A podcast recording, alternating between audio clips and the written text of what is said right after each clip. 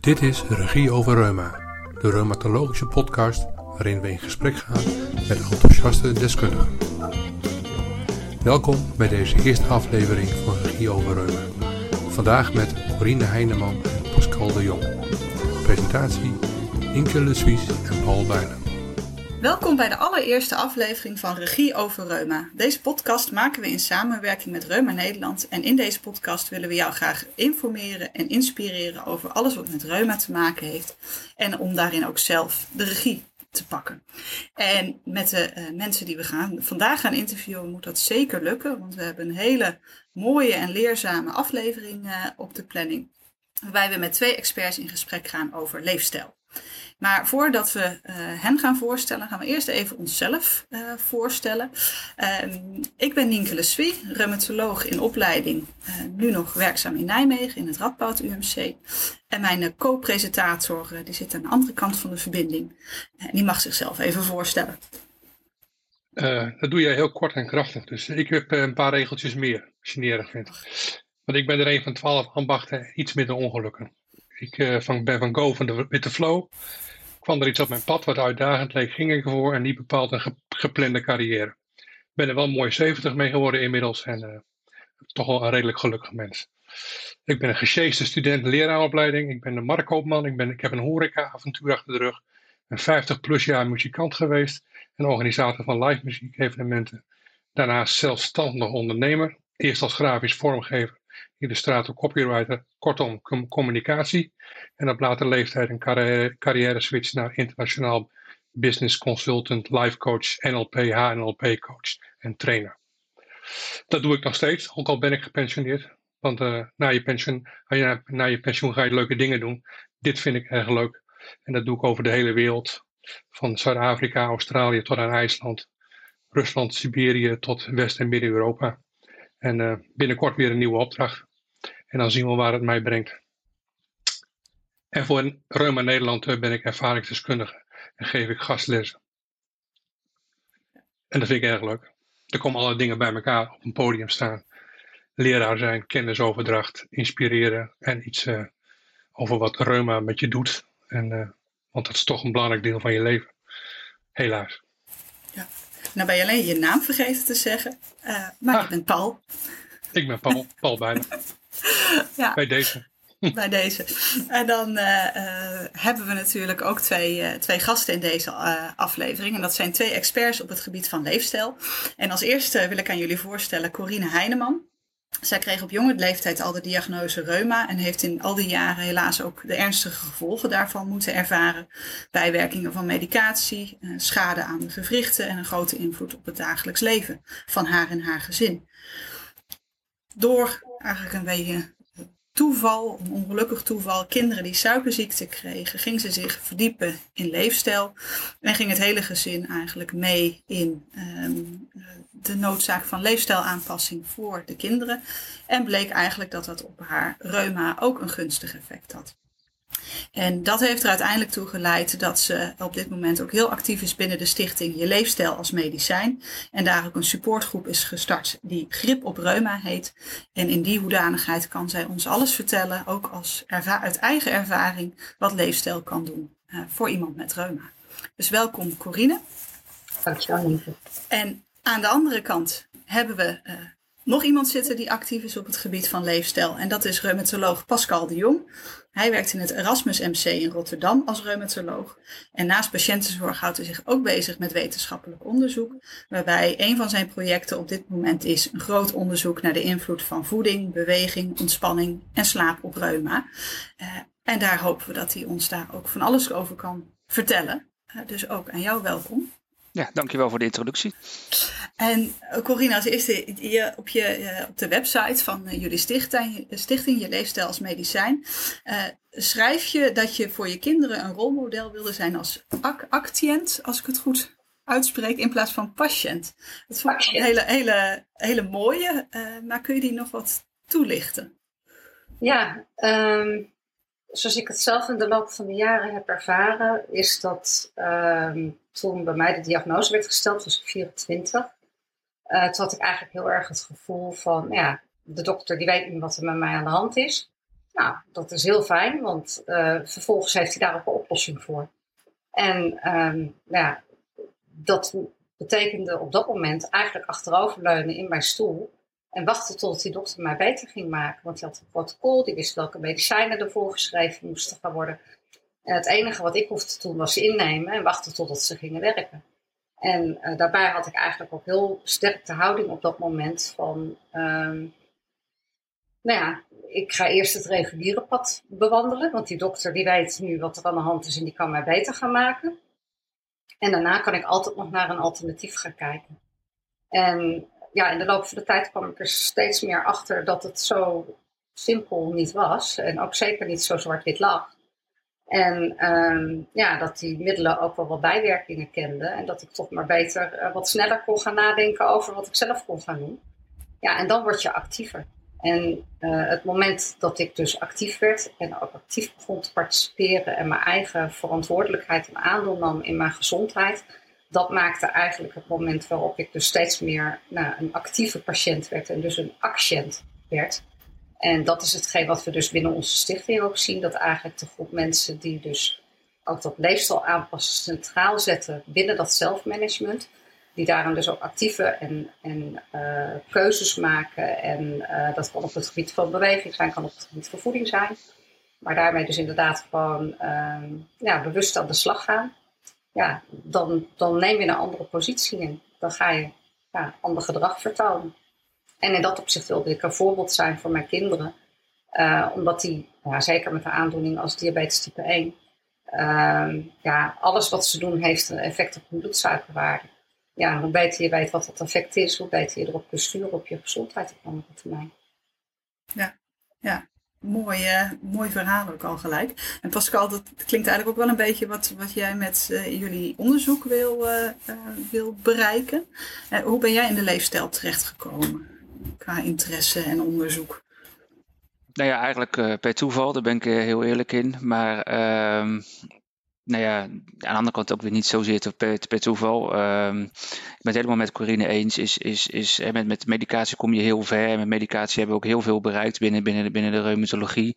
Uh, heel veel mensen uh, kunnen we goed behandelen. En zoals wij dan als doktoren kijken, dan zeggen we ja, de ziekte is rustig. Of we noemen het zelfs in remissie. Wat inhoudt dat we geen gezwollen of pijnlijke gewrichten meer waarnemen bij het lichamelijk onderzoek. Maar dat uh, is voor ons een heel mooi beeld. En dat vinden wij als arts zijnde heel mooi. Maar dat wil niet zeggen dat de patiënt geen last meer ervaart. Dus ondanks dat wij de ontsteking en, en de inflammatie heel goed hebben behandeld en weg hebben behandeld, wil niet zeggen dat, dat de patiënt klachtenvrij is en dus geen last meer heeft van zijn reuma. En de vraag is, hoe kunnen we die additionele last, die toch nog altijd blijft bestaan, hè? mensen hebben toch nog pijn of, of merken beperkingen qua functioneren of op andere domeinen beperkingen. De vraag is hoe we dat toch uh, nog beter kunnen aanpakken. En ik denk dat daar uh, vanuit de patiënt uh, ook een hele mooie rol kan liggen door bezig te zijn met, met een gezonde leefstijl, een gezond patroon en gewoon positief met je lichaam bezig zijn, zal ook dat positieve resultaten hebben op je, uh, op je ervaring en op je ziektelast. Dat is, dat is echt mijn idee erachter. Uh, het lastigste alleen is, is, is gewoon heel weinig bewijskracht voor. En dat, dat is juist hetgeen wat je mist. Je wil binnen de reumatologie, wil je, uh, maar ook binnen andere vakken, wil je natuurlijk wel bewijs hebben voor, voor bepaalde uh, interventies die je doet. En, en dat, dat missen we op dit moment gewoon nog uh, te veel. Uh, en dat is de reden waarom ik het ook eigenlijk ben gaan doen. Veel mensen vragen ernaar, wat kan ik zelf, wat, hoe kan ik het oppakken? en dan gaan wij altijd achteroverleunen en zeggen, ja, er is weinig bewijs, dus ik kan u niks adviseren. Ja, dat is de makkelijke truc. Maar ja, de vraag is of, of dat, ik vind dat niet terecht. Dus als, als mensen met vragen komen, moet je dat gewoon oppakken en onderzoeken. En dat doe ik nu. Ik denk dat er heel veel behoefte inderdaad aan is. Ik zie iedereen bij ons ook heel uh, nadrukkelijk knikken op dat moment. Nou, is dat ook een pleidooi voor uh, een, vanuit de reguliere gezondheidszorg voor een meer holistische kijk? Absoluut. Ik vind dat je gewoon meer holistisch moet kijken. Als, uh, als, als, als alle Nederlanders of in de wereld iedereen een gezond gewicht zou hebben, niet meer zou roken, dan, uh, dan besparen we de gezondheidszorg enorm veel kosten.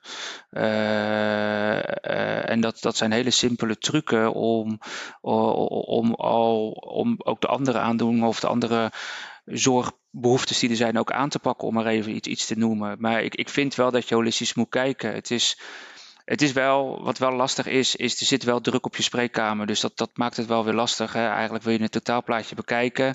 Alleen moet steeds meer in steeds minder tijd. Um, en dat vraagt een balans, maar dat vraagt ook een begrip van een patiënt. Dus als je met je patiënt uh, wat makkelijker kan sturen en kan zeggen: Goh, vandaag gebruiken we deze tijd om hier even aandacht aan te besteden. Maar dat betekent dat ik even op dit moment ergens anders minder aandacht heb. Dan is dat prima. Maar dat moet wel natuurlijk in samenspraak gaan met een patiënt. Uh, en dat, uh, dat, gaat steeds, dat gaat ook steeds meer komen. We gaan steeds meer digitaler worden. Heel de maatschappij wordt digitaler.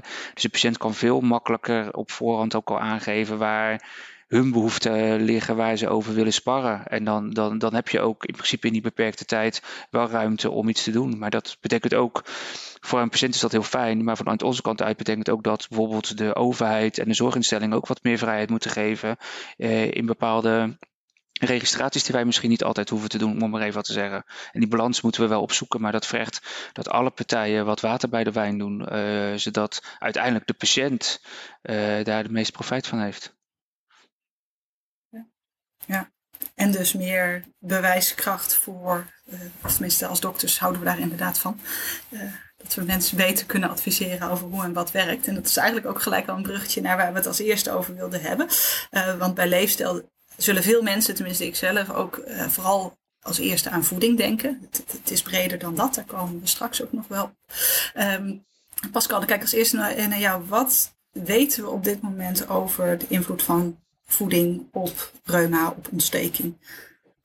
Ja, nou ja, dat is ook altijd een, leuke tweedracht. Maar als je, er zijn vanuit, vanuit Euler en vanuit de ECR, dat zijn de grote uh, organisaties hè, binnen Europa en Amerika respectievelijk, uh, die ook richtlijnen aan het maken zijn voor, voor uh, leefstijl, wat, wat te doen en hoe we dat moeten implementeren. Dat heet integrative medicine met een mooi woord. Dat betekent dus gewoon dat je naar een holistische aanpak kijkt of meerdere aspecten meeneemt dan alleen maar de pillen en de spuiten die wij kunnen voorschrijven. de adviezen die zij doen is, is op dit moment dat, dat voor voedingssupplementen, hè, dus, dus gewoon één middel of gewoon één, hè, een groen lipmossel of kurkuma en dat soort zaken, dat daar onvoldoende bewijs voor is uh, om dat te adviseren. Wel adviseren ze uh, diëten. Dus als je echt puur alleen over voeding even praat, als adviseren ze bepaalde diëten die je eventueel zou kunnen volgen, waar met name de nadruk ligt op mediterraans dieet. Maar als je naar de studies gaat kijken, dan zijn er met name bewijzen voor mediterraanse diëten en ve veganistische of vegetarische diëten die wel effect kunnen hebben op, op het ontstekingsproces van, uh, van patiënten de, de, de grootste probleem waar je dan weer een stukje verder in kijkt, is als je, als je over voeding gaat praten, je gaat over gezonde voeding praten, is als wij gezonde voeding gaan nemen, gaan we automatisch per definitie ook heel vaak afvallen en krijgen een gewichtsreductie. Uh, maar adipositas of overgewicht en, uh, en als je dan pathofysiologisch gaat kijken, dus de vetcellen, die hebben een negatief effect op je ontstekingsproces. Dus als je gaat afvallen en gewicht uh, neemt af, dan neemt bijvoorbeeld ook de effectiviteit van je medicatie toe. En dan krijg je is altijd een beetje de discussie, ja, is het nou het gezonde voeding of je afvallen wat, wat daar een positief effect op heeft? Ja, ik zeg dan altijd, ja, voor mij maakt het niet zo heel veel uit. Het gaat erom dat je als patiënt zijnde in ieder geval een positief effect op je lichaam doet, in ieder geval met leefstijl bezig bent, gezonder bezig bent, waarschijnlijk ook meer beweegt, wat ook nog een keer een positief effect is. Je bent alom met je, met je lichaam bezig. Dus vandaar dat ik als, daar vind ik te vragen, je ziet ook dat ik er een beetje meedraag, een beetje lastig, omdat als je maar eens over voeding praat, je automatisch een gedrag verandert. Uh, verandert hè. Je gaat automatisch gezonder leven, uh, meer bewegen, uh, waarschijnlijk toch op een andere manier ontspannen, beter slapen. Je houdt op verschillende, daarom heet het ook al gecombineerde leefstijlinterventies, waar ze natuurlijk voor pleiten, omdat je naar al die aspecten mee wil kijken. de stressreductie, om een voorbeeld te noemen, om het totaalplaatje te, te, te doen. En puur aan zich alleen is het niet zomaar de, de, de, de richtlijn, om dan even de Europese richtlijnen qua evidence te, te, te die zeggen bijna hetzelfde. Voedingssupplementen, daar zien ze niet zo heel veel hel in. Terwijl er ook wat mooie studies zijn over visolie bijvoorbeeld. Um, maar in principe voedingssupplementen niet, maar uh, uh, diëten wel. En dan met name mediterraans en, en vegetarisch, veganistisch. En daar is wel wat en daar is ook wel bewijskracht voor. Uh, alleen de nadeel van echt als je naar de studies gaat kijken, het nadeel van die studies is, je hoort me al zeggen, het is een gedragsverandering. Gedragsverandering is lastig. Uh, als je onder begeleiding dat doet, is het vrij makkelijk, want dan heb je stok achter de deur. Maar de vraag is, als je iemand, iemands gedrag verandert, blijft het dan ook heel lang gewaarborgd? Je ziet het met mensen als ze willen afvallen. Dan gaan ze een bepaald dieet doen en dan gaat het in, aanvankelijk goed. En dan krijgen ze de begeleiding niet meer van de coach. En dan zie je toch wel dat ze, dat ze, dat, dat ze, dat ze terug op gewicht komen. Het zo bekende yo-yo effect. Uh, en dat, dat, dat is wel iets wat je in de, in, de, in de studies die tot nu toe zijn gedaan bij, uh, bij, bij met name uh, dieetstudies. Waarin de, de, de, de follow-up, dus de vervolgduur van die patiënten vrij kort is. En dat is altijd de belangrijkste kanttekening die je hebt. Maar nogmaals, dat is, is iets, iets dieper op de stof in ja, maar eigenlijk het, samengevat is, we, we weten het eigenlijk nog niet, niet goed. En waarschijnlijk is het meer dan voeding alleen wat het effect behelst. Ja, absoluut. En, en misschien, Corine, kun jij daarop aanvullen? Want jij kunt uit ja. ervaring hierover uh, meepraten. Ja, buiten, eigen ervaring ook van, kijk, binnen onze stichting werken wij dus ook samen met uh, een heel aantal leefstelartsen. En uh, eigenlijk beamen die ook het verhaal van wat, wat Pascal ook, ook aangeeft. Uh, rondom, uh, laten we zeggen, de ontstekingsactiviteit en uh, het samenspel daarin ook met vetcellen. En hetgeen wat je dus inderdaad ziet, is dat eigenlijk hoe we op dit moment de meeste mensen leven en een voedingspatroon waarbij je dus heel vaak ook eet, buiten ook vaak ook heel veel ongezonde producten, is dat je lichaam niet meer terugkomt in een soort van rustpositie het krijgt op een gegeven moment een stapeling van uh, celstress en ook een ontstekingsreactie, uh, waardoor je uiteindelijk laaggradige ontstekingen in je systeem krijgt. En dat maakt ook dat je veerkracht op een gegeven moment die flexibiliteit af begint te nemen. En als je dus kijkt naar voeding en of je dat nou doet met een mediterraanse dieet of met wat ik zelf dan aanhoud, meer koolhydraatarm uh, of uh, een, een vegan voedingspatroon. Hetgeen wat eigenlijk al die voedingspatronen gemeen hebben, is dat je dus uh, teruggaat naar de pure en onbewerkte producten. En dat je vaak ook je eetmomenten behoorlijk terugbrengt. Um, ja, mijn generatie en ik denk die van, van Paul helemaal, zijn eigenlijk ook opgevoed met, ja, je hebt gewoon drie hoofdmaaltijden op een dag. En in mijn jeugd had je incidenteel eigenlijk eens een keer een tussendoortje. En als je al een tussendoortje had, dan was het uh, ja, een stuk fruit wat je te eten kreeg. Terwijl op dit moment, we eten continu. Dus dat hele systeem komt ook niet meer tot rust. En dat zijn wel inzichten um, nou ja, waar, waar ook wel steeds meer draagkracht en bewijslast voor komt. En uh, waar toch ook wel een grote gemeenschappelijke um, ondersteuning voor is. Om het op die manier steeds meer uit te gaan, uh, gaan dragen. Ja, dus eigenlijk maakt het dan in essentie misschien niet eens zo heel veel uit welk dieet je nou precies pakt. Als je maar meer richting uh, onbewerkt eten, minder eten, minder momenten eten. Minder suiker. Paul, ik zie jou ook enthousiast, of enthousiast, ik zie jou ook uh, druk meeknikken. Ja, nou ja, suiker is uh, sowieso natuurlijk in de hoeveelheden die tegenwoordig in de kant-en-klare maaltijden verwerkt zitten in alles wat in pakjes en zakjes zit. Er zit heel veel, uh, wat, wat, wij hier thuis noemen, sluipsuiker in. Ja. Omdat het mooi, mooi allitereert. Ja, ongemerkt krijg je dus heel veel suiker binnen. Dus dat hebben wij er allemaal uitgegooid. En wij, wij vinden echt af en toe als wij op, in de auto zitten en een lange rit maken naar Frankrijk of zo, dan tracteren we onszelf op een flesje cola onderweg. En dat is gewoon echt weer een tractatie. Omdat het zo uitzonderlijk is dat we ons dat zelf toestaan. En, uh, maar dat is ook een suikerbommetje. Dus ja, suikers weg ermee. In het begin was het heel erg wennen. Zwarte koffie zonder melk en zonder suiker. Maar inmiddels is het prima te doen. Ja, dat geldt voor meer dingen dat je eraan uh, moet wennen als je natuurlijk je gedrag wil, wil veranderen. En, en, ja, maar, je, dan zit je ook tegelijkertijd in, een, in, een, in, de, in de sociale context.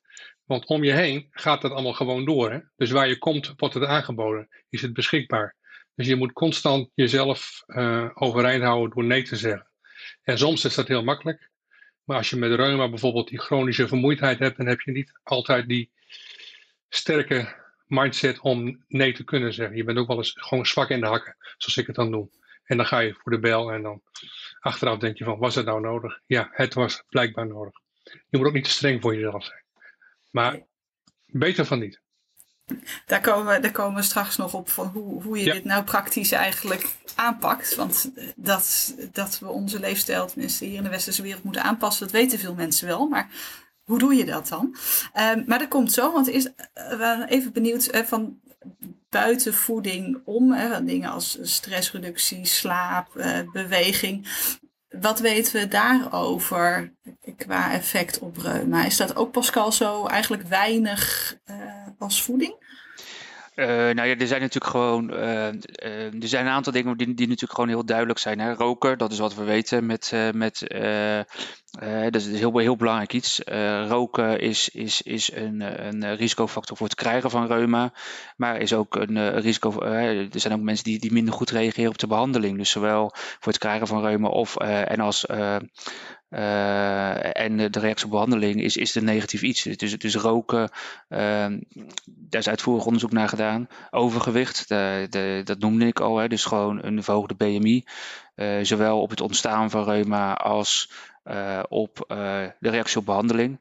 Het grappige van overgewicht is dan wel weer, uh, vroeger keken we natuurlijk met name naar schade van de ziekte. Als mensen die weer, dat is het enige wat een beetje een rare paradox is. Als je overgewicht hebt, heb je minder kans op schade. maar nogmaals, je hebt wel meer medicatie nodig en je krijgt makkelijker reuma. Dus ik ga niet zeggen dat je overgewicht moet hebben puur om schade te voorkomen. Maar dat is een beetje een rare paradox in het verhaal. Bewegen is natuurlijk bij, bij, bij mensen met een spondielartritis, oftewel een Bechterew, wat vaak in de morfoxman wordt gebruikt, uitvoerig bestudeerd, is natuurlijk uh, is eigenlijk een beetje ook de hoeksteen van de behandeling. Hè? Iedereen moet wel gewoon zijn rugoefeningen doen voor de, uh, voor de, voor de mensen, want dat kan ook de inflammatie doen verminderen. Bij, bij reumatoïde artritis is, daar weer wat, wat minder van bekend, maar bewegen is ook gewoon goed. je moet ook niet bang zijn om, om als je reuma hebt, om, dat je niet meer mag bewegen of lopen of dat soort zaken. Dus dat is zeker iets wat, wat we moeten stimuleren, maar er is ook wel veel bewijskracht voor. Um, dus dat zijn al drie dingen die ik opnoemde. Ik zet nog even te kijken. Ja, voor slapen en ontspannen is, is natuurlijk gewoon wat lastiger. Maar dat, uh, uh, we weten allemaal dat, dat mensen met, met, met, met reumatoïde artritis vaak nachtelijke pijn hebben. En vaak slecht slapen. En daardoor dus eigenlijk ja, niet voldoende opladen, om het maar even zo te zeggen. Dan kom je in je negatieve spiraal, visieuze cirkel. Alleen dat is een beetje een, een probleem wat wat lastiger aan te pakken is. Dus dat, daar is ook wat minder onderzoek naar gedaan, om maar even wat, wat, wat te zeggen. Um, dus dat, dat zijn denk ik de belangrijkste uh, hoekstenen die, uh, die je dan qua leefstijl hebt. Of ben ik er nou nog eentje vergeten? Verbinding en zingeving. Het, het oh, ja. zingeving. Verbinding en zingeving. Ja, dat is, ook, dat is ook een belangrijke. Ja. ja, nou wij merken eigenlijk binnen de stichting uh, steeds meer hoe ontzettend belangrijk die is. En nou denk ik wel in het kader van reuma um, dat het wel zo is als ik dus kijk naar zingeving, uh, kortom, uh, even heel, heel sumier uitgelegd. Wat maakt dat jij ochtends je bed uitkomt? Waar word jij nou echt daadwerkelijk blij van? Dan denk ik, ja, op mijn dieptepunt met mijn reuma was het heel leuk dat ik een stuk zingeving had. Maar op het moment dat ik lig te verrekken van de pijn, dan kom ik dus echt niet in beweging. Dan gaat het gewoon niet lukken. Daarentegen merk ik wel dat op het moment dat ik dus nu veel meer grip heb gekregen op mijn gezondheid door het aanpassen van die voeding, dat ik daardoor makkelijker in beweging kom. Dat je daardoor ook dus weer meer kunt gaan doen met zingeving. En dat zingeving dan wel een hele belangrijke factor is om inderdaad gewoon weer in door te groeien en verder vooruit te komen. Maar de andere pijler die dan dus eigenlijk daarmee op één hoop wordt gegooid, dat is dus verbinding. En dat stuk, uh, dat is denk ik als het gaat om leefstijl en het aanpassen van leefstijl, essentieel. Want het gaat om van A, hoe sta je in verbinding met jezelf? Dus wat maakt waar jouw sterke en jouw zwakke punten liggen? Heb je daar beeld op? Maar ook hoe sta jij in verbinding met je omgeving? En heb jij dus ook een ondersteunend netwerk om aan de gang te gaan met het veranderen van, uh, ja, meestal vooral voeding, maar vaak heeft het dus ook een effect op meerdere aspecten van, uh, van leefstijl. Is dat ook dan, Corinne, een pleidooi voor dat je dit, als je je leefstijl wil aanpassen, dat je dat niet alleen doet? Uh, het maakt het veel makkelijker als je het uh, gezamenlijk doet. Dat, uh, dat weet ik uit eigen ervaring. Want op het moment dat ik het dus alleen voor mijn eigen gezondheid probeerde, dus ja, en dat, dat was in feite dezelfde aanpak als die ik uiteindelijk heb, heb uitgerold. Alleen toen veel meer met allerlei handvaten en een protocol en een onderbouwing. als dat ik het voor mezelf probeerde. En ik denk dat dat ook de twee elementen waren. Ten eerste dat het iemand was die tegen mij had gezegd dat het beperken van suiker wel misschien zou kunnen helpen tegen reuma. Echt ook met al die voorbehouden erin. Um, en daarnaast dat ik het dus alleen voor mijzelf deed en nog helemaal niet overtuigd was. Dus de zakken chips en de snoep en de koek en alles was in huis. En dat, dat vond ik ook dat mijn kinderen en mijn partner dat ook moesten kunnen eten. En als je dan dus, um, nou ja, ik heb het daar met Pascal ook al een keer eerder over gehad. Schade die um, in een lange tijd is ontstaan, is ook niet in een vingerknip weg. Dus als je met ruima dan begint met aanpassen van voeding, uh, moet je ook wel een beetje geduld hebben voordat je de resultaten gaat merken. Ja, en dan dat samenspel van, nou ja, ik had er en nog geen vertrouwen in, en er lag geen protocol onder, en mijn gezin deed niet mee. Ja, dat was gedoemd om te mislukken, dus ik hield er een heel klein beetje aan over. Maar toen ik het uiteindelijk dus wel met mijn gezin deed, ja, eigenlijk toen relatief makkelijk. En je kunt dat netwerk dus ook weer uitbreiden. En dat is dan wat we bij onze stichting nog weer doen. En wat in eerste instantie bij de aanpak van, uh, van voeding leeft, dat ik voor Pascal begreep ook heeft, uh, onderdeel heeft uitgemaakt om echt te zorgen dat je het samen met die hele groep doet. Ja, want dat is het toch ook inderdaad jullie onderzoek, Pascal. Want dat is ook breder dan voeding alleen, wat ik, uh, wat ik las. Um, en met online bijeenkomsten en, en nou, hulp voor de mensen die deelnemen. Want, want hoe ver is dat onderzoek ondertussen? Ja, we, we, hebben eerst een, uh, we hebben eerst een, een, een cohortstudie gedaan, wat, wat inhoudt dat we gewoon per, nou ja, per reuma-groep, om het maar even zo te zeggen, mensen met een inflammatoire artritis, dus mensen met reum, reumatoïde artritis, dan wel spondielartritis, dan wel artritis psoriatica, dat was één groep. En we een groep mensen met artrose en een groep mensen met fibromyalgie. Die hebben in eerste instantie gewoon vervolgd. Uh, gewoon om over de tijd te kijken wat voor effecten uh, zien we op uh, patiëntenuitkomsten. Dus, dus, dus met name op, op uitkomsten die voor patiënten relevant zijn. Uh, nou, daar zagen we gunstige effecten. Je zag dat mensen toch een betere kwaliteit van leven kregen, uh, wat afvallen, uh, minder pijn hadden. Dus, dus dat, dat, dat waren gewoon gunstige uitkomsten. die groep die is nu ongeveer klaar. Dus, dat, dus die hebben we ook een jaar vervolgd. Dus de interventie is een half jaar. Maar we hebben toch ook nog naar een jaar gekeken om te kijken of mensen het dus volhouden. Dus, dus die uitkomsten die hoop ik binnenkort te hebben. En recent, daar zijn we nu eigenlijk het hardst mee bezig, is we zijn nu mensen aan het includeren uh, uh, voor een trial. En try houdt in dat mensen door, door middel van loting uh, dan wel de, de leefstijlinterventie krijgen, de gecombineerde leefstijlinterventie. Uh, en andere mensen die krijgen gewoon uh, eenmalige adviezen over de schrijf van vijf, om het maar even ouderwets te zeggen. En dan die twee groepen zullen met elkaar vergeleken worden. En dit zijn dan mensen met een rustige ziekte. Dus wat wij als reumatoloog een rustige ziekte vinden. dus dan kijken we naar de DAS-score, is een ziekteactiviteitsmaat die gewoon puur aangeeft of, of, of, of mensen de, onder een bepaalde scoren vallen. Dat vinden we dan rustig. Maar wederom, dat zijn mensen die toch vaak nogal ziektelast hebben. Uh, en die gaan we ook vervolgen over de tijd. Dus in ieder geval uh, een jaar zien we ze gewoon regelmatig terug. En we doen tot twee jaar doen we patiëntenuitkomsten uh, ook erbij meten. En dan gaan we met name kijken hoe het met de patiëntenuitkomsten gaat. Maar ook hoe het met de ziekteactiviteit over de tijd gaat. En of we mensen van een rustige ziekte zelfs naar remissie kunnen krijgen. En of medicatie daar kunnen afbouwen als gevolg van de leefstijl. Dat mensen zich zoveel beter voelen dus dat ze ook met minder medicijnen uitkomen. Uh, en dat zijn, dat zijn harde uitkomstmaten, zoals wij dat altijd uh, noemen, waarop we dan kunnen zeggen of dit uh, wel of niet geslaagd is. En we kijken expres over twee jaar ook, omdat ik al zei, dit programma is in principe een half jaar en daarna word je losgelaten, om het maar even zo te zeggen. ja, en dan is de vraag of je het voorhoudt. Het is natuurlijk, wat ik al eerder zei, het aanpassing van gedrag. En het belangrijkste is, is, is dat het is goed dat je het in een groep doet, maar als je vrij wordt gelaten, dat je het dan ook nog vol blijft houden. Ja.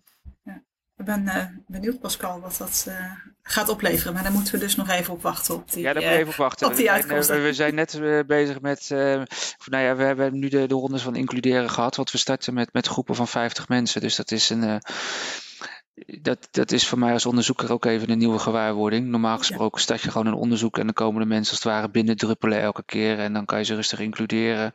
Maar ja, het zijn groepsdingen die we starten, dus we moeten in één keer 50 mensen erin. Uh, dus dat, uh, dat doen we meestal op een zaterdag. Dus wij gaan dan gezellig op de zaterdag uh, mensen includeren in, in het ziekenhuis. Ik zou je er vast bij zeggen dat er geen gezonde voeding bij je zit. Want ik moet. mijn onderzoekers overtuigen om te komen. Dus dat gaat meestal met taart en, en, al, dat soort dingen om ze, om ze te overtuigen om te komen. Misschien moeten die ook nog even meedoen aan de leefstijlinterventie. ja, precies. Even voordat we uh, verder gaan naar het, uh, het, tweede deel, waar wij wat meer over de, de, nou ja, de praktische tips wilden hebben van hoe doe je dit nou als je wat wil, uh, wil veranderen, hadden we nog een korte intermezzo-vraag bedacht. En Corine, wat is het gekste qua reuma dat jij hebt meegemaakt tot nu toe in al die jaren? Ja, ik vond dat een hele lastige vraag. Um, want ja, het, het, het, gekste, dat kan natuurlijk iets negatiefs zijn. Het kan iets positiefs zijn. Uh, nou ja, je kunt er alle kanten mee op. Dus dat ik inmiddels al, uh, nou ja, ik ga richting de 25 jaar dat ik met reuma leef. Dus dat, uh, dat nou, dan maak je al met al wel wat mee.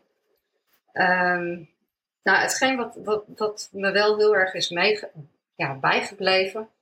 Um, zeker van die nou pak een beet de uh, eerste 15 uh, jaar, is dat op een gegeven moment de glijdende schaal bijna een tweede natuur begint te worden. En uh, dat ik dus op een gegeven moment, ik was zwanger van mijn dochter, dus dat is nou, nu al, al een goede 18 jaar geleden. En ehm, ik was hoogzwanger en eigenlijk verliep die zwangerschap allemaal hartstikke mooi, dus ik had in die periode ook minder last van mijn reuma. En ik was uh, nou, echt de laatste dagen voor mijn bevalling. En ik zeg op een gegeven moment tegen mijn man, ik, zeg, ik, ik vind het gewoon allemaal best wel een ding hoor. Dan komt er straks een baby en hoe ga ik dat nou doen? Ik zeg, want ik kan niet eens mijn veters meer, meer strikken. Hoe moet ik dat nou straks toch aanpakken? Dat het dat probleem gaat oplossen. Waarop hij dus in de nacht schoot en zegt, ja, maar weet je, zometeen zit die buik helemaal niet meer in de weg. En ik was dus echt al zo gewend aan, ja, maar met de beperking moet ik dus op een andere manier leren omgaan. Want de beperking is permanent. Uh, ja, dat ik dat eigenlijk met mijn zwangerschap al op dezelfde manier begon op te, op te vatten. Maar wat ik uiteindelijk als positief verrassend vind, uh, is dat ik heb dus nu nou ongeveer een jaar of tweeënhalf mijn leefstijl dus echt drastisch omgegooid. En wat ik dus in al die jaren gewoon nog nooit heb meegemaakt. Ik kende dus alleen maar het achteruitgaan en het bijstellen en het accepteren dat bepaalde dingen niet meer kan. En nou heb ik in één keer dus de andere kant van de medaille gevonden. En dat ik merk dat ik vooruit ga en dat ik meer energie heb. En niet alleen dat, maar ook dat mijn flexibiliteit toe begint te nemen. Dus dat ik dingen nu kan die ik gewoon anderhalf jaar geleden uh, niet meer kon. Ja, dus dat zelfherstellend vermogen van mijn lijf. Uh, dus eigenlijk de andere kant van de medaille van de reuma. Uh, ja, dat heeft me eigenlijk het meest verrast tot nu in al die jaren. Mooi. En uh, Pascal, dan natuurlijk dezelfde vraag voor jou. Wat, ik het, wat het gekste is wat ik binnen de reuma heb meegemaakt. Ja. Uh, zo. Ik heb deze vraag blijkbaar ook van tevoren meegemaakt. uh, ik zit al na te denken. Als elkaar mag je nog even nadenken, dan krijg je hem aan het eind nog een keer. Ja, ik, je mag me stel me aan het eind nog een keer vooral inderdaad. Want het gekste wat ik binnen de reuma heb meegemaakt. Ja. ja. Kun je er nog even over nadenken? Ja, ga ik doen. dat is helemaal goed. Ja, de, uh, gaan we weer terug naar de, naar de leefstijl. En dan, um, uh, net raakten we er al een beetje aan. Hè, van als je wil veranderen, dan, dan kan dat soms best wel lastig zijn. En Corinne, jij hebt er dus ook in ieder geval twee pogingen voor nodig gehad.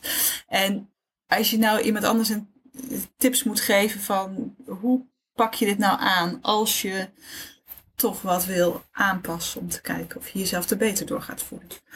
Ja, ja, sowieso aan de ene kant kleine stapjes. Want als je het doel mega groot gaat maken, ja, hoe, ga je dat ooit bereiken?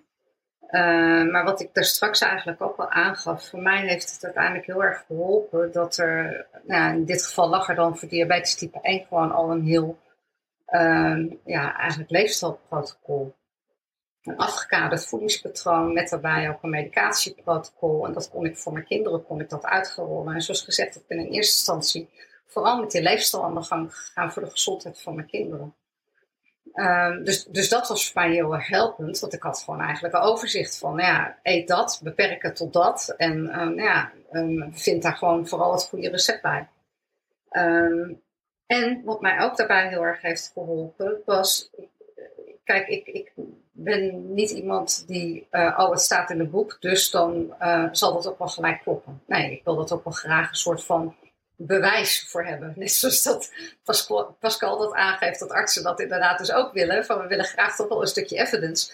Wil ik dat als moeder ook op het moment dat ik dus een leefstijlverandering ga doen voor mijn kinderen. En dat was het voordeel natuurlijk met diabetes type 1. Want mijn kinderen die meten gewoon meerdere keren per dag hun bloedsuikerwaarde. Dus ik kon ook heel direct het effect zien van wat die aanpassingen op die voeding deden op hun gezondheid. Dus het was heel erg meetbaar en dat maakt het ook heel erg fijn. Ja, wat daarnaast er dan nog eens een keer als pluspunt bij kwam, was inderdaad van het met elkaar. En um, ja, dat heb ik vanaf dag één gezegd. Ik doe het samen met mijn zoon, want die was dus als eerste uh, ziek. Hij was op dat moment was hij, uh, nog net geen zeven. Uh, mijn dochter werd in de verleiding gebracht, want die vond eigenlijk alle producten die we maakten er zo interessant en lekker uitzien dat ze zegt van goh, ik hou van bakken, kan ik niet mee gaan doen. Um, en toen waren we dus al met drie van de vier personen in huis bezig. En uh, uiteindelijk uh, ja, had mijn man ook zoiets zo van, ja, nu ben ik de enige die nog over is. En ik wil eigenlijk ook wel wat gewicht kwijt. En ik, ik sport heel fanatiek, maar toch lukt het me daarmee niet. Ja, laat ik dan ook eens proberen wat er gaat gebeuren op het moment dat ik die voeding aan begin te passen. En um, hij heeft eigenlijk van jongs af aan altijd migraine gehad. En ook bij hem zagen we dus een enorme gezondheidsverbetering. Dus ja, dan heb je gewoon in één keer met vier personen in een huis met drie verschillende aandoeningen, waarbij je dus allemaal gezondheidswinst begint te halen.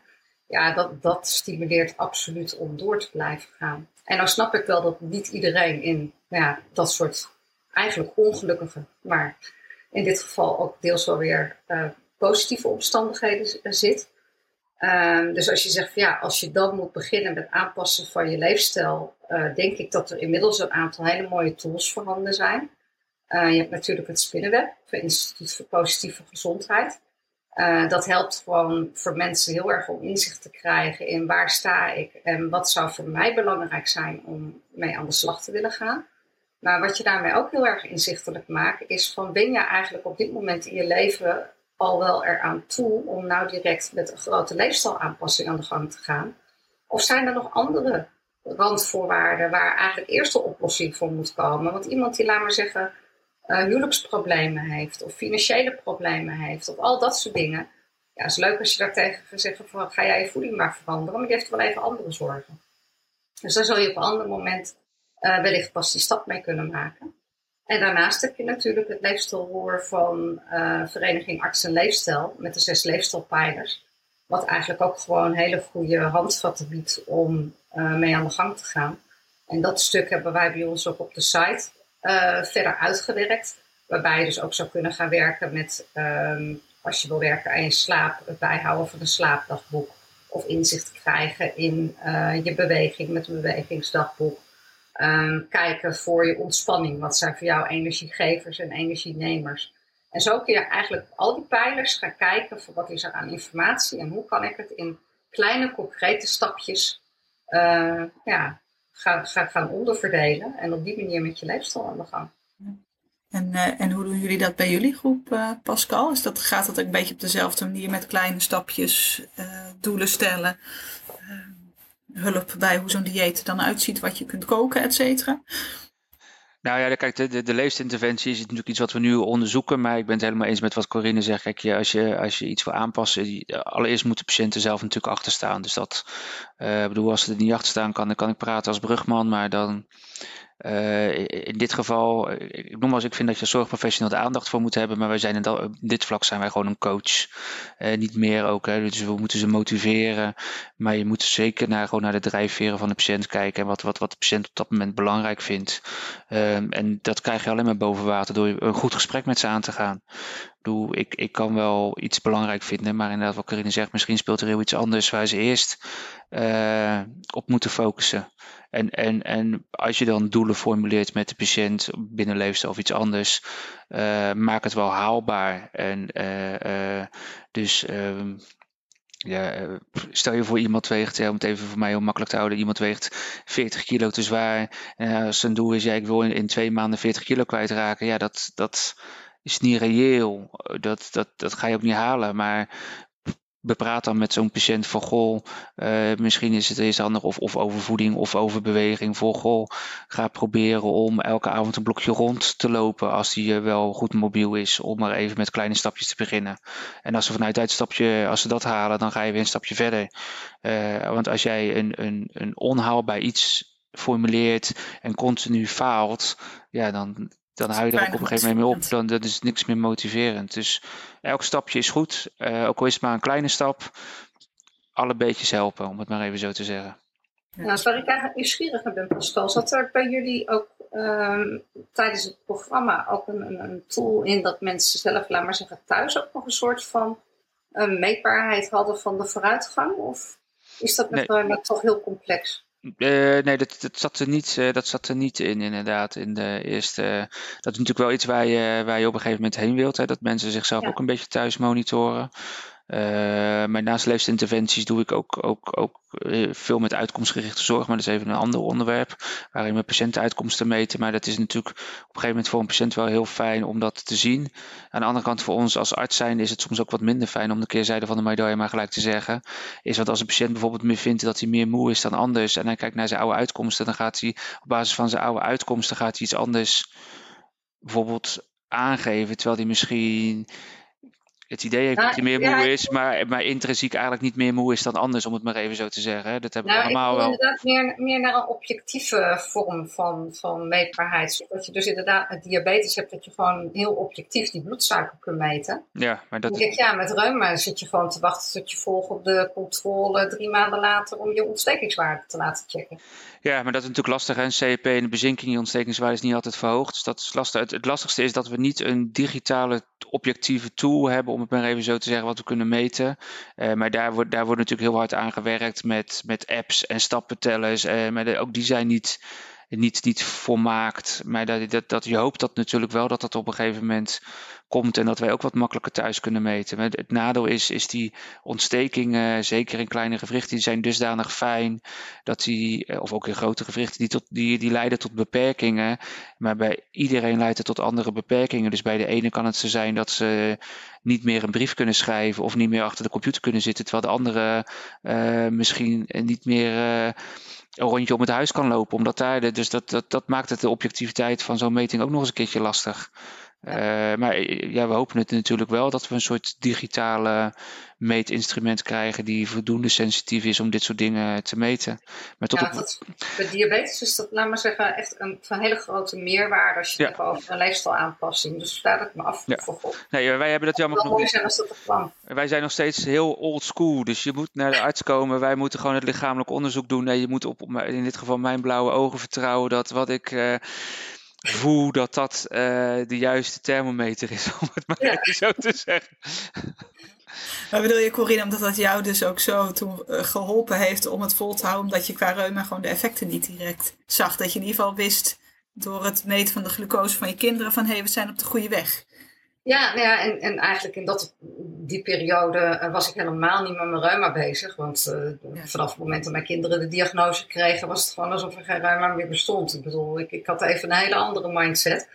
En uh, het, het, was het moment waarop eigenlijk binnen het gezin het voedingspatroon volledig was aangepast. Ik heb het met kinderen, heb ik het namens geleidelijk stapjes gedaan, omdat ik dus ook wilde kijken wat is de effectiviteit. Dus eigenlijk een stukje onderzoek.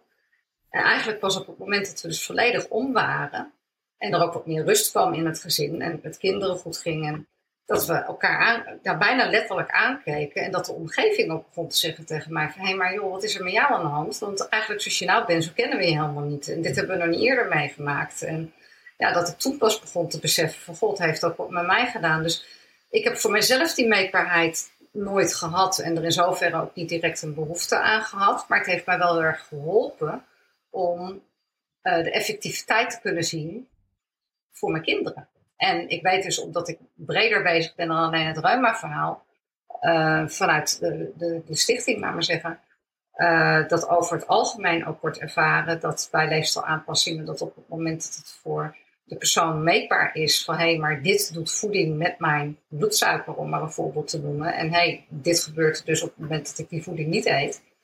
Ja, dat dat heel erg helpend wil zijn. Ja, ja daar uh, moeten we dan voor de reuma nog, uh, nog op wachten wat dat betreft. Um, ja, je hebt natuurlijk wel de ziekteactiviteit hè, wat je meet, ja. maar dat is natuurlijk iets niet wat je thuis kan meten. Nee. Dus dat is op een gegeven moment. Uh, maar dan zit je inderdaad met die drie maandelijkse periodes, terwijl je misschien al veel eerder iets zou willen weten. Ja, ja, en, en, hebben jullie tips over hoe dit vol te houden? Want inderdaad, wat Pascal jij net ook al zei, vaak is het toch een, een yo-yo effect met voeding, dat het uh, wel lukt om te beginnen, maar om het dan weer vol te houden. Hebben jullie daar tips voor?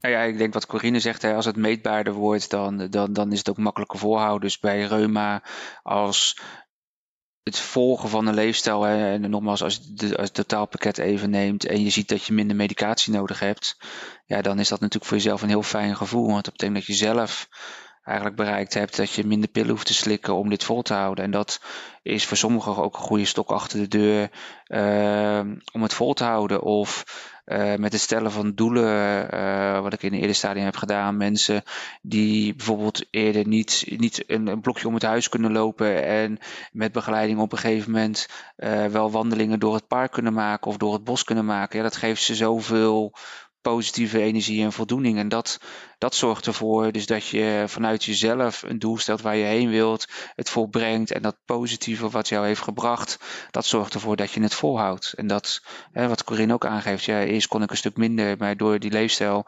ben ik, heb ik veel meer vrijheden gekregen, ben ik veel onafhankelijker geworden. Waar heel veel reumapatiënten natuurlijk tegenaan aanlopen, de afhankelijkheid, want dat stoort ze nog het meest. Uh, die vrijheden die ze daarvoor terugkrijgen, dat, dat is de stimulans die ervoor moeten zorgen om het vol te houden. Ja, en datgene wat wij ook wel merken, wat gewoon heel erg helpend is, is kijk, uh, niet iedereen heeft een omgeving waarin je dus direct steun hebt.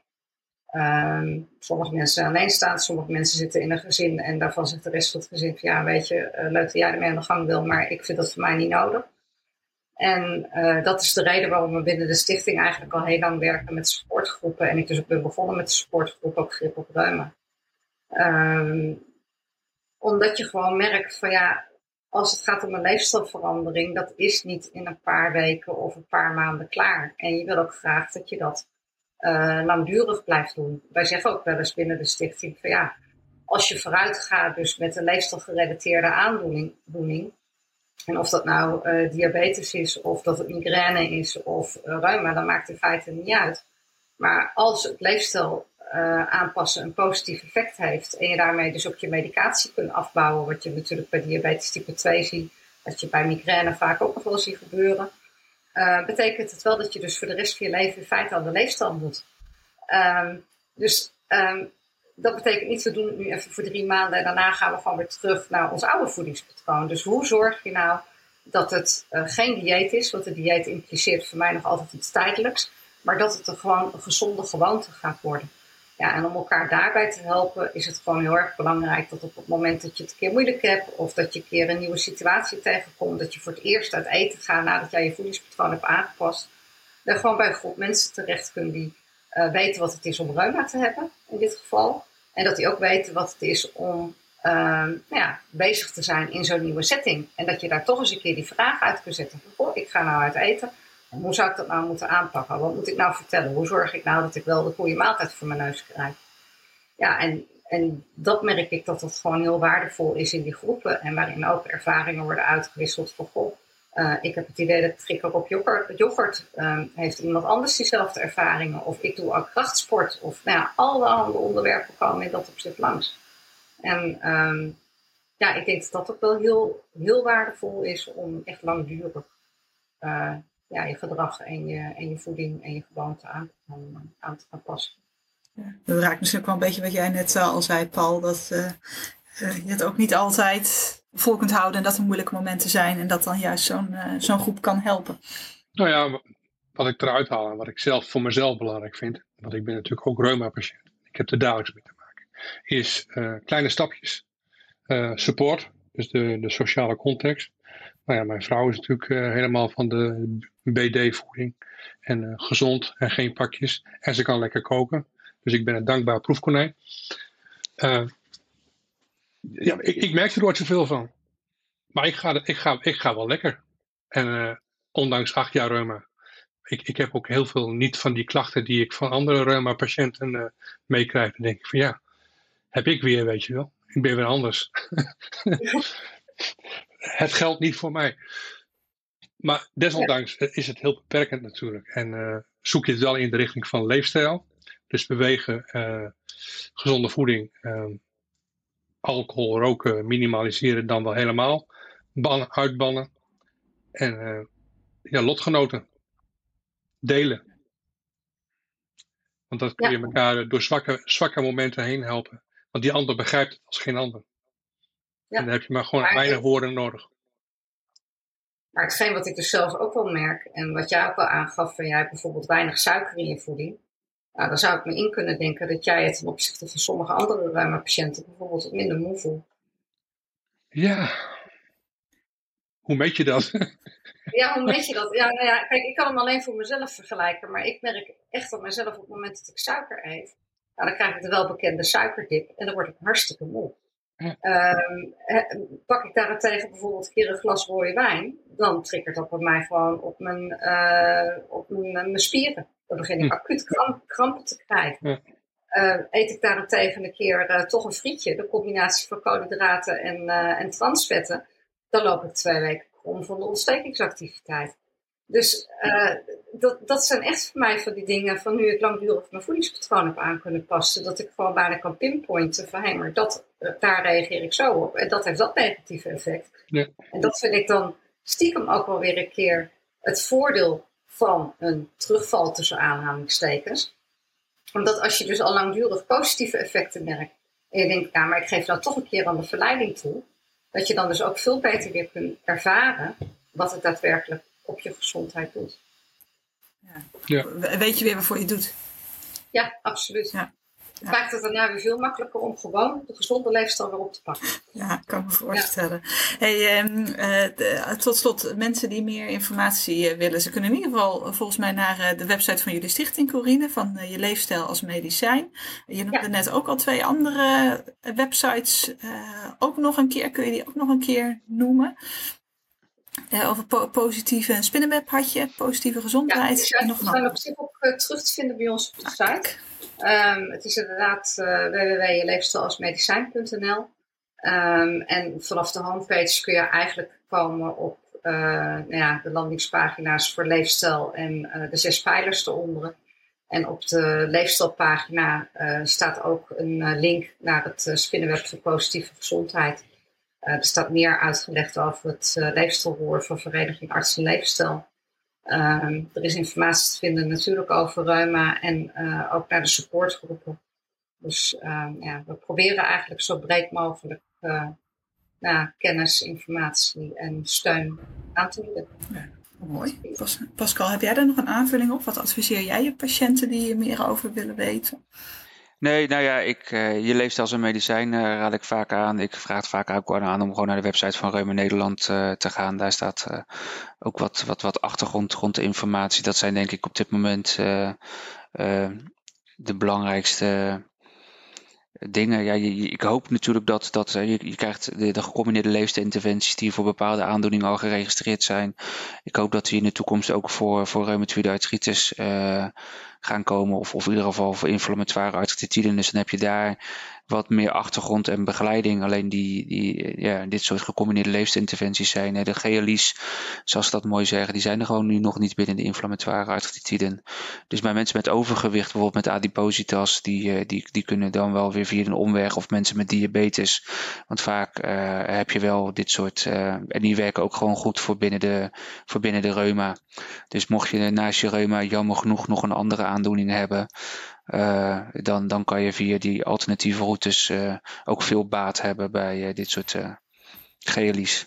Want dat zijn, even voor de luisteraars die het niet kennen, dat zijn, zijn begeleide programma's die vergoed worden door zorgverzekeraars. Ja, dat zijn begeleide programma's die vergoed worden door zorgverzekeraars. En het heet dan een gecombineerde leefstijlinterventie die eigenlijk die, die pijlers die we eigenlijk te continu al zeiden, gezonde, gezonde voeding, want inderdaad we praten niet over dieet, gezonde voeding, voldoende bewegen, minder zitten en ontspannen en, en, en, en, en slaap, daar zijn ze vaak meestal opgestoeld.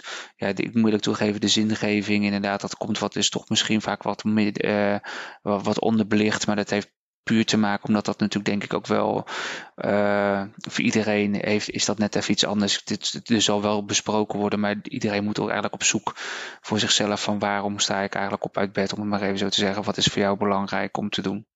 Ja, ja dus er zijn zeker mogelijkheden voor, voor hulp, maar misschien nog niet altijd specifiek gericht op reuma. Maar daar nee. komt wie weet verandering in uh, als we meer, uh, meer weten. En Pascal, jij noemde het net eigenlijk ook wel. Ik, volgens mij zie jij de rol van de reumatoloog, ons als reumatoloog, als een coachende rol. En dat ook dit wel zeker iets is wat mensen in de spreekkamer kunnen benoemen en naar vragen. Ja, absoluut. Ik vind, uh, wat Paul ook heel goed aangaf, ja, ik vind dat wij als arts zijnde uh, echt holistisch moeten kijken. Dus naar het totaalplaatje van de patiënt moeten kijken. En verder dan alleen maar mijn lichamelijk onderzoek doen. Hè. Dus verder dan alleen maar mijn DAS-score, mijn ziekteactiviteit. ik denk dat, dat, dat, dat mij als reumatoloog, dat, ik vind dat ook niet leuk. Het is juist kijken van ja, waar loop je als patiënt tegenaan en hoe kan ik helpen. Uiteindelijk is de patiënt degene met de aandoening en moeten wij adviezen geven en kan een patiënt van daaruit uh, kiezen wat, wat, wat ze willen. Zij, zij, zij staan centraal. Het is niet, uh, klinkt altijd heel plat, maar ik zeg het wel altijd zo. Het is niet mijn probleem. De patiënt heeft het probleem. En ik moet adviseren en tips en tricks geven om te kijken hoe we het kunnen aanpakken. Soms is dat met pillen, soms is dat met leefstijl, uh, soms is dat met iets heel anders. een goed gesprek of, of, of, of andere dingen, maar wees er wel reëel in. Dat maakt, en dat maakt je voor mij als reumatoloog het vak ook zo leuk. Dat iedereen is uniek, iedereen heeft een ander probleem. Kan ik het in ieder geval alleen maar mee, uh, mee eens zijn. Uh, Paul, had jij nog uh, laatste brandende vragen aan onze gasten? Nee, ik heb niet echt brandende vragen. Straks, als het klaar is en ik zit beneden, dan schieten mij van allerlei dingen door het hoofd. En vanavond, voor ik in slaap val. Dan heb ik die nou. ene goede, slimme vraag die ik nu vergeet te stellen. Dan moeten we nog maar eens een deel 2 maken. Nou, Pascal, dan, eh, dan de laatste vraag voor jou. Heb je nog iets bedacht over het eh, gekste qua reuma wat je hebt meegemaakt? Het gekste qua reuma? Oh ja, Die, die zou nog terugkomen. Ja. Het is altijd, uh, het gekste qua reuma wat ik, wat ik heb meegemaakt is, of nou ja, het is niet het gekste, het is altijd heel mooi, is, er werd hier al een beetje aan gerefereerd, is, is de, de, het verschil tussen de verschillende generaties, om het maar even zo te zeggen. Het is wel mooi om in je spreekkamer te zien hoe, hoe, hoe mensen anders omgaan met hun ziekte. En jullie mogen zelf oordelen over. Ik ga niet mijn mening daarin geven, maar de ziektebeleving verschilt heel erg per, per generatie. En dat is wel. Uh, uh, soms heel apart om te, om te zien. En, uh, en dan, om dan toch, toch iets over een patiënt te vertellen. Ik heb ooit één keer een patiënt gehad die had nog een ouderwetse reuma, om het maar even zo te zeggen. Dus met veel schade uh, en, en, en toch nog best veel activiteit. En die kwam, die kwam mijn spreekkamer binnen en die zei: Dokter de Jong, kijk nou wat ik nu heb. En nou ja, zijn, hij had dus een dropping hand. Dat houdt in dus dat zijn, doordat er continu ontsteking was, waren al zijn strekpezen van zijn hand waren, door de ontsteking waren dus gewoon afgebroken. En hij had dus een, een slap handje hangen, om het maar even zo te zeggen. Nou, dat was wel het, het, was ook, het kwam echt heel, heel lullig. Ik schrok en, die, en hij kwam alleen ja, kijk, kijk nou. En dan hing een slap handje. Voor de rest geen pijn, helemaal niks. Dat doet, voor hem, deed voor hem ook helemaal geen pijn. Maar dat was even het gekste wat ik had meegemaakt. Van dat zo'n patiënt heel droog is, dat staat te vertellen. Terwijl je als arts zijnde denkt, oh nee, hier moet nu wel alle minuut even iets gaan gebeuren. Anders gaat het niet goed. Gelukkig hebben ze hem kunnen opereren en, en is, is het nu geen dropping hand meer. Maar dat is als je iets, eh, iets geks is. Uh, en dat, dat, dat geeft ook maar gelijk een beeld van uh, hoeveel schade, als je de reuma niet adequaat kan behandelen, hoeveel schade, met hoeveel schade dat gepaard gaat. dat, dat zijn nou ja, wij maken dat als jonge arts, ik vind mezelf ook nog jong, helemaal niet meer mee. Maar twintig jaar geleden was dit gewoon scheer en inslag, om het maar even zo te zeggen. Dus dat, ook hebben we veel bereikt. Uh, er zijn ook hoop dingen wat we niet hebben bereikt. Maar ik denk dat we wel een hele goede basis hebben gelegd. Uh, waar, we op, uh, waar we op, verder voort kunnen borduren. Dus dat is mijn, uh, mijn afsluiting, om het maar even zo te zeggen. Het lijkt me ook een hele mooie afsluiting van, uh, van deze allereerste aflevering. Dan uh, dank je wel allemaal voor het luisteren en hopelijk tot een volgende keer. Bedankt voor het luisteren naar Regie over Reuma. Graag tot een volgende aflevering.